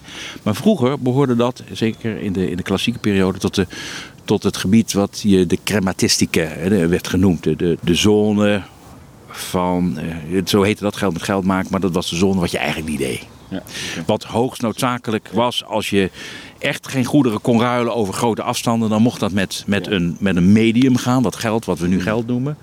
Maar dat was een randverschijnsel van de economie cultureel bepaald dat het een beetje op neergekeken. Dat deed. De tollenaars uit de Bijbel en dat soort dingen meer. Je ging, eh, hmm. in de Arabische wereld is het nog steeds zo dat je geen rente mag heffen. Alleen ze hebben het daar heel pragmatisch opgelost. Ja. Laten we zeggen, de, de, de overheadkosten die variëren met de rentekosten van het Westen. Precies. En, en, ik bedoel, en ook dat, die maken natuurlijk net zo hard deel uit van het kapitalistische systeem. Maar laten we zeggen, het principe proberen ze daar nog. Nou en het stond ook in de Bijbel, toch? Het stond in de Bijbel. Hè? Dus, En, maar, maar, maar, maar het gekke is, dat heeft dus alles veranderd. Hè? Want, want vanaf acht, eh, ook weer na 1800, dus op het kantelpunt waar dit landschap daar nog een. draait het zich om. En wordt datgene wat altijd verboden gebied is geweest, en laten we tot de materiële prostitutie behoorden. Dat wordt de kern van, uh, van de samenleving. Namelijk geld met geld maken. En, en, die moderne organisatie is daar op gebaseerd. Er gaat iets in. Maar het rendement moet hoger zijn wat eruit komt. Dus jij zat in de organisatie, filosofie? En ik kom tot de ontdekking dat dat principe dus over het hele landschap is heen gelegd. Het, het, moet rendement opleveren. Alles moet, dus natuur moet rendement opleveren. Uh, en dus ja, ja, dat wist je toch wel. Ja, dat wist je wel. Maar dat het eigenlijk helemaal volgens dat systeem gaat. Want het gaat ook, zelfs in natuurbeheer. Mm. Hè, je krijgt een bepaald budget om een natuurdoeltype te realiseren. Ja. Uh, dus, dus of, of je nou dus, uh, nou ja, noem, noem, noem maar wat, produceert. Of je produceert natuur. Het gaat van hetzelfde principe. Want er gaat geld in en er moet meer natuur uit. En de vraag is of je daarmee eigenlijk. En, want dan zijn er ook vakjes die dan. Eh, tegenwoordig gaan ze er iets soepeler mee om. En er was dan een, zone bepaald. Daar moet het groeien, want dat weten de, de modellen, dat het daar moet groeien. Nou, en groeide het net buiten het vakje. Daar kwam je niet in aanmerking voor de subsidie, want het vakje was bepaald van tevoren. Nou, daar gaan ze dan nu iets soepeler mee om. Maar het gaat even over een manier van denken. Hmm. En, en, ik kwam tot mijn verbazing erover dat dus de natuur echt helemaal als een moderne organisatie, doorzicht, toezicht, overzicht, uh, is ingericht. Uh, dus daar ben ik langzamerhand uh, ben ik over gaan schrijven, publiceren en gekeken hoe, hoe, hoe in het verleden nou dat denken is ontstaan is gekanteld, weer is gekanteld, gespleten, weer bij elkaar is gekomen. En, en, daar hebben we het in feite nu over. En ik denk dat voor een belangrijk deel is vergeten dat de, natuur natuurlijk een hele eigen waarde vertegenwoordigt. Een waarde die in, zich, in, in de Noorse ecosofie uh, ecofilosofie van de Arne Nes, of Naas schrijf je dan, maar het spreekt uit Nes, Arne Nes. die, de, de grondlegger van de deep ecology, die, die er echt voor pleit om de natuur een, een in zichzelf bestaande waarde te laten hebben. En dat niet in dit soort systematiek laten vallen. Ja, dat kun je makkelijk zeggen. Dat is natuurlijk ongelooflijk moeilijk. Want alles is op deze manier georganiseerd. Maar het zet toch wel aan het denken dat we op een andere manier nu we op dat kantelpunt staan en we op een andere manier moeten gaan werken, willen we de boel niet helemaal uh, verpesten. Dat we toch op een andere manier naar die natuur gaan kijken. En dat niet als een moderne organisatie kunnen gaan organiseren. Ja. En als je dan... Misschien moeten wij ons wel naar die natuurlijke principes gaan organiseren. Hmm. En dat is ook wel uh, dat we daar, daar iets meer uh, naar kijken. Dus dat je het leidende systeem eigenlijk de natuur tot het leidende systeem maakt. Ja, misschien moet je dus, dus nu weer een nieuwe kanteling maken, een nieuwe omdraaiing. Hè. We hebben gezien dat dit, dat, dat, dat, dat uh, geld met geld maken, wat de zone was, de kernwet. En nu moeten we weer naar een nieuwe omstuwpunt toe. Dat in feite de natuurlijke principes, nou ja, die samenhangen die waar we het net over hadden, World Wide World Wide uh, Wood Web. Wood Wide uh, wood, oh ja, nee, dat is zo is het. Wood Wide Web, dat is het, ja. Uh, dat, dat, we veel meer subtieler die systemen ook op onszelf moeten gaan betrekken. En het, nou, is heel, heel interessant om te kijken wat dat... maar goed, ja. hoe je het ook werkt. We moeten naar een nieuwe omstulping, omstulping ja. heen toe. maar die kunnen we niet organiseren. Dat heeft zich altijd voltrokken. Weet je, dat is ook niet. Het zou een fout zijn om die te gaan organiseren. Nou ja, dus dat, gaat, dat gaat zich voltrekken of niet. Ja, maar dat is wel interessant wat je een stukje eerder zei. Ik, ik denk ook heel erg aan het, het cyclisch systeem wordt het dan. Dus dat is al hè, dus wat je net vertelde over er moet iets in en dan moet er een waardevermeerdering nou ja, in de vorm van geld of wat dan ook. Moet er meer uitkomen. Nou, dat is een systeem wat in een gesloten systeem onmogelijk is. Dat laat de natuur ook zien. Ik bedoel, het dijt uit in de lente en in de zomer. Dan wordt het weer kleiner. Dat was dan een hele andere manier van denken. Uh, zal dat worden. Is ook, er is ook groei, maar die boom houdt een keer op. En maar onze economie groeit en moet nooit ophouden, want uh, het moet blijven groeien. Willen we, uh, laten we zeggen, de financiële verplichtingen die we zijn aangegaan, uh, vol kunnen houden. Ja. Nou, dat, dat, dat kan niet. Nee. Hè? Dus, dus... nee. Dat, dus dat is een ander systeem. En tegelijkertijd, een systeem is ook niks anders dan een verhaal. Dus uh, het is, het is, de, het is de, de uiting van ons eigen verhaal. Dus als je het verhaal vertelt vanaf, nou ja, nu dan vanaf de 17e eeuw. We hebben onze wereld gecreëerd uh, op basis van, de, van ons culturele verhaal, van onze context. En dat hebben we geëxternaliseerd. Dat systeem van nou, het kapitalisme of van oneindige groei heeft ons veel gebracht in bepaalde vlakken.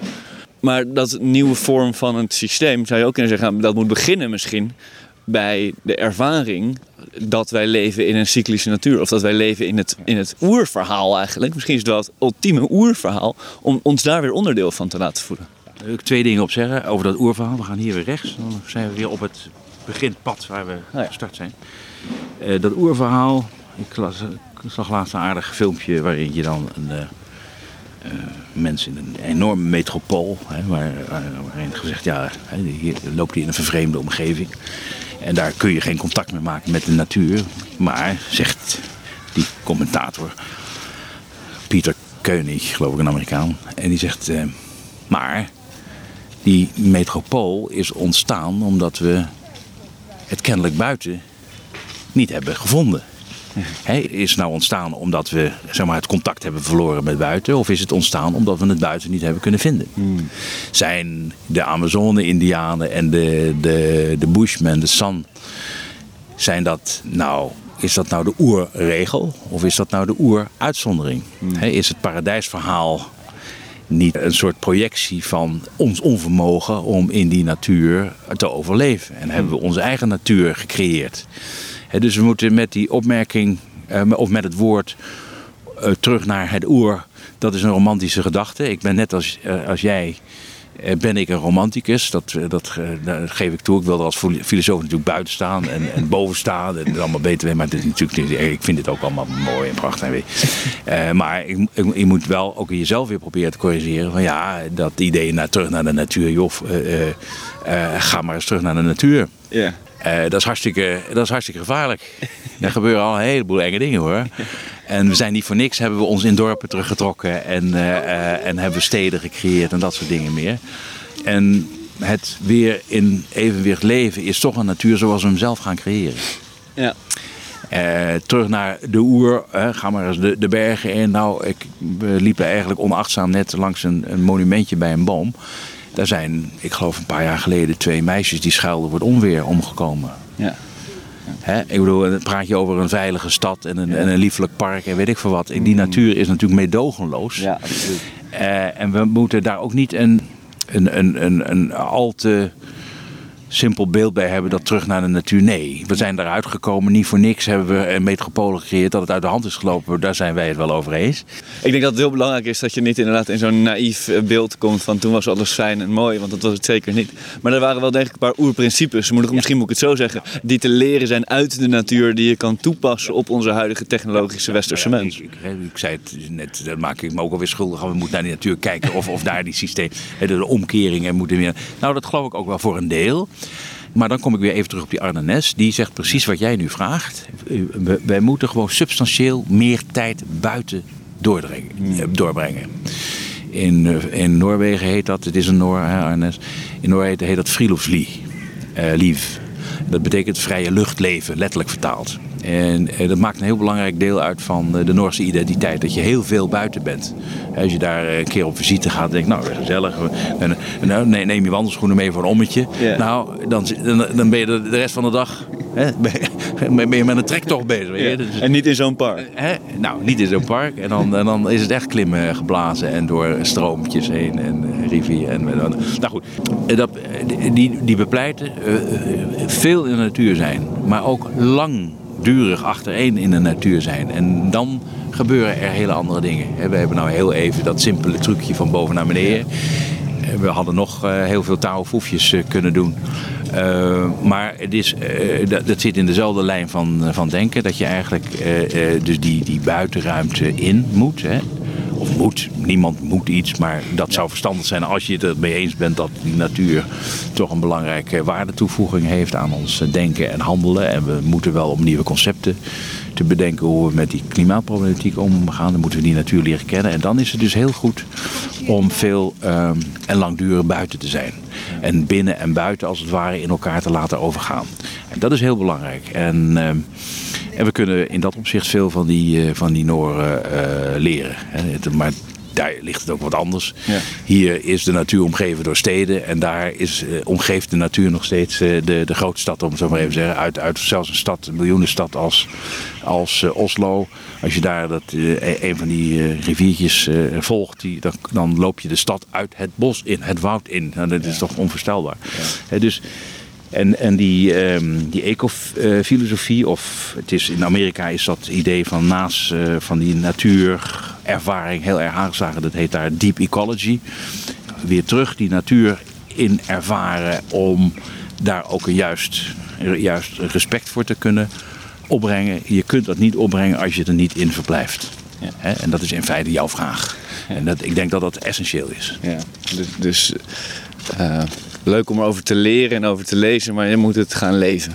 Je moet gaan leven. En, het, en het moet, je moet niet uh, naar buiten gaan, maar je bent in een ruimte die, die we nu binnen buiten noemen. Maar het is vanzelfsprekend dat je in die buitenruimte, wat we nu nog buitenruimte, of wat we in dit gesprek buitenruimte noemen, maar zoals die Noren dat in ieder geval niet meer noemen, maar uh, waar je in feite net zo uh, relaxed verblijft buiten omdat je gewend bent buiten te zijn. Je weet wat je mee moet nemen. Je weet hoe je met weersomstandigheden moet omgaan. Hoe je ergens kunt verblijven.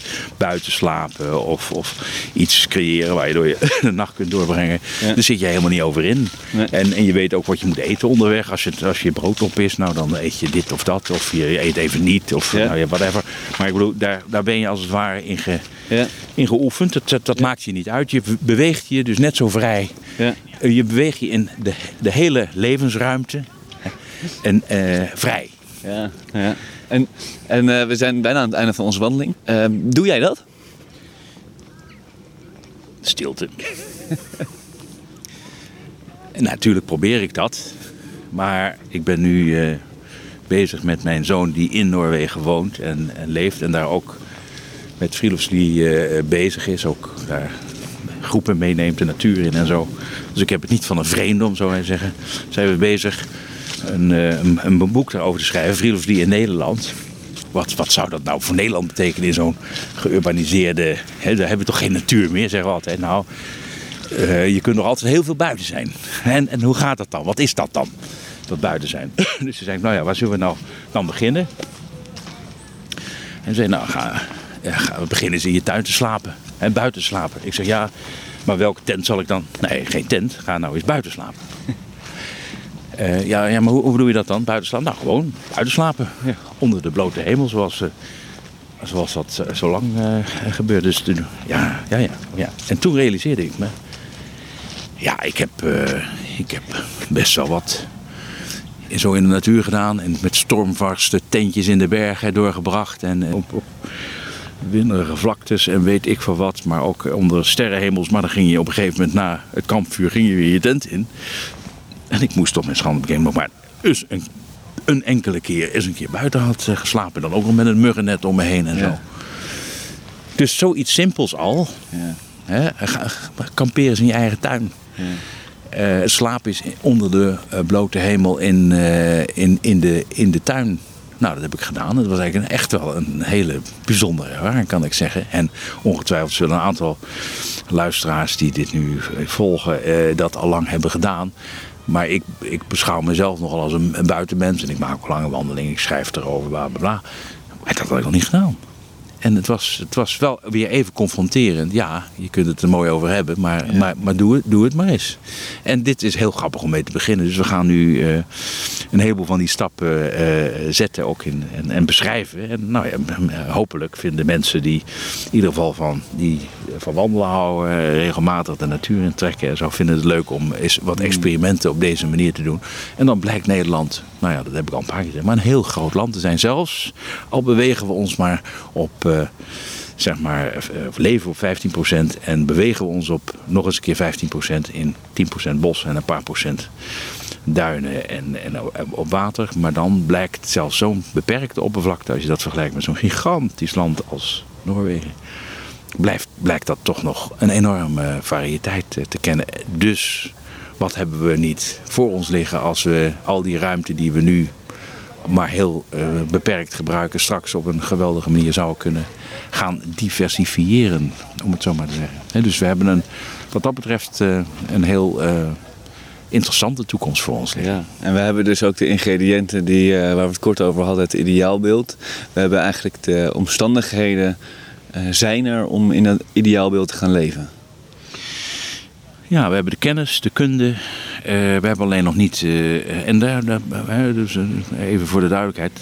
Ik moet er ook heel hard aan werken, want ik ben ook een kind van deze tijd en zit in die structuren. Maar het is heel belangrijk dat we samenwerken. Nou, we verschillen generatie, maar dat generaties met elkaar ook heel actief gaan werken aan, die, aan een hele andere attitude, een hele andere manier van denken en omgaan met, met de ruimte waarin we, waarin we leven. Zullen we dan, um, want we zijn nu weer bij het, uh, het zo, nou ja, een tijdje geleden beschreven hek. Zijn ja, we weer ja, aangekomen. We zien het hek. Uh, en je had het al over uh, de Taoïstische foefjes. Nou, we hebben er één gedaan. Zullen we anders eindigen met een, met een laatste... Ja, gezegd hebbende, gezegd hebbende ja. dat uh, uh, uh, een foefje doen ja. is één, maar volhouden is twee. Het is niet even, ik doe een minuutje zo en dan, dan verandert het. Dus je moet, je moet niks, je kunt als je het leuk vindt. je, je, je, je zou het dus langer kunnen oefenen en dan gaat het landschap vanzelf veranderen. Ik heb met een Taoïst opgetrokken en daar een, een, een boek je over geschreven. Dat heet Wandelen met Meester Lee. En, ik ben er echt met hem op stap geweest. En het is een bestaande persoon. En, uh, eigenlijk is het een man die uh, heel lang voor TNO. Het is echt een, echt een natuurwetenschapper. Maar omdat hij heel veel met Chinezen en Koreanen en Japanners heeft samengewerkt, is hij geïnteresseerd geraakt in, uh, in het Taoïsme. En dat beoefent hij nu alweer zo'n zo'n 40, 40 jaar. En ik ben met hem op stap geweest. Dus wandelingen met meester Lee. En het was voor mij echt een, een ontdekking om uh, te zien hoe vast wij zitten in ons type van natuur beleven. En willen we nou die omslag maken, dan, uh, ja, dan moeten we, nogmaals, niet moeten, kunnen we, dat moet ik me ook afleren, uh, kunnen we op een andere manier oefenen om naar die natuur te kijken. Uh, en dan uh, dat kijken, dat lichaam is erbij betrokken. Hè, en dat op een andere manier te ondergaan. Uh, en ik denk, als we het over een denkomslag hebben, dat die andere manier van kijken en doen in die buitenruimte belangrijk is om dat te, nou ja, te bevorderen of te bewerkstelligen. En wat we hier nog zouden kunnen doen, we hebben nou van boven naar beneden gekeken. Maar ehm, wat we ook niet dikwijls doen, is dat we Normaal gesproken focussen we ons op een punt in de ruimte. Daar gaan we naartoe. En dat houden we uh, eigenlijk altijd vast. Daar gaan we naartoe. Dus dat is een soort focuspunt. En daar blijven we ons onbewust op uh, concentreren. Maar je kunt ook zeggen van nou, ik weet waar ik naartoe ga. Ik laat dat punt los.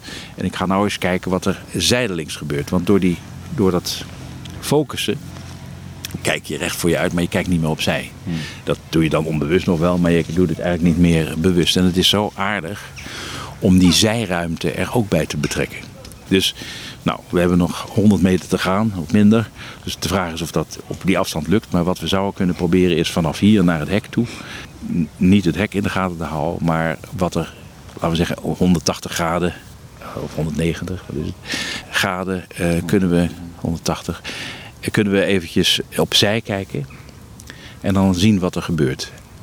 Of die, of die wereld breder wordt, letterlijk verbreed uh, wordt. En dan is het aardig um, om te beseffen dat je op het moment dat je dat doet, je de wereld, zeggen die Taoïsten dan, die wereld uh, meebeweegt. Dus jij beweegt de wereld op dat moment.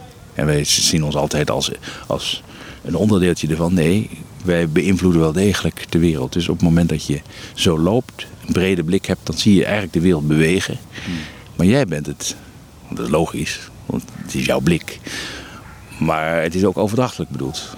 Jij hebt wel degelijk invloed op die wereld en die omgeving. En dat symboliseert in ieder geval deze oefening. Dus in de breedte kijken en niet gefocust kijken. We verbreden ons gezichtsveld.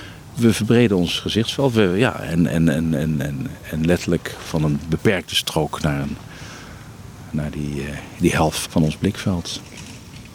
En ondertussen terug naar de stad. En dan weer naar de stad.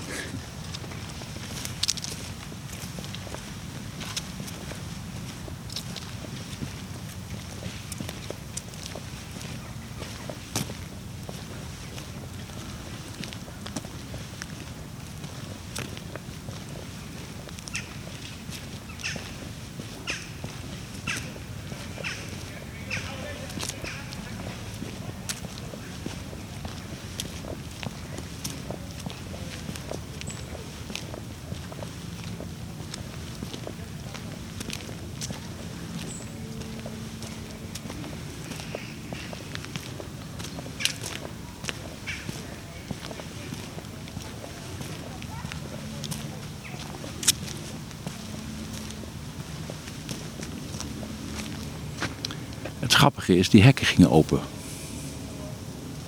Als je zo breed kijkt met die 180 graden blik, dan openen de hekken zich. Dat is toch wel heel aardig.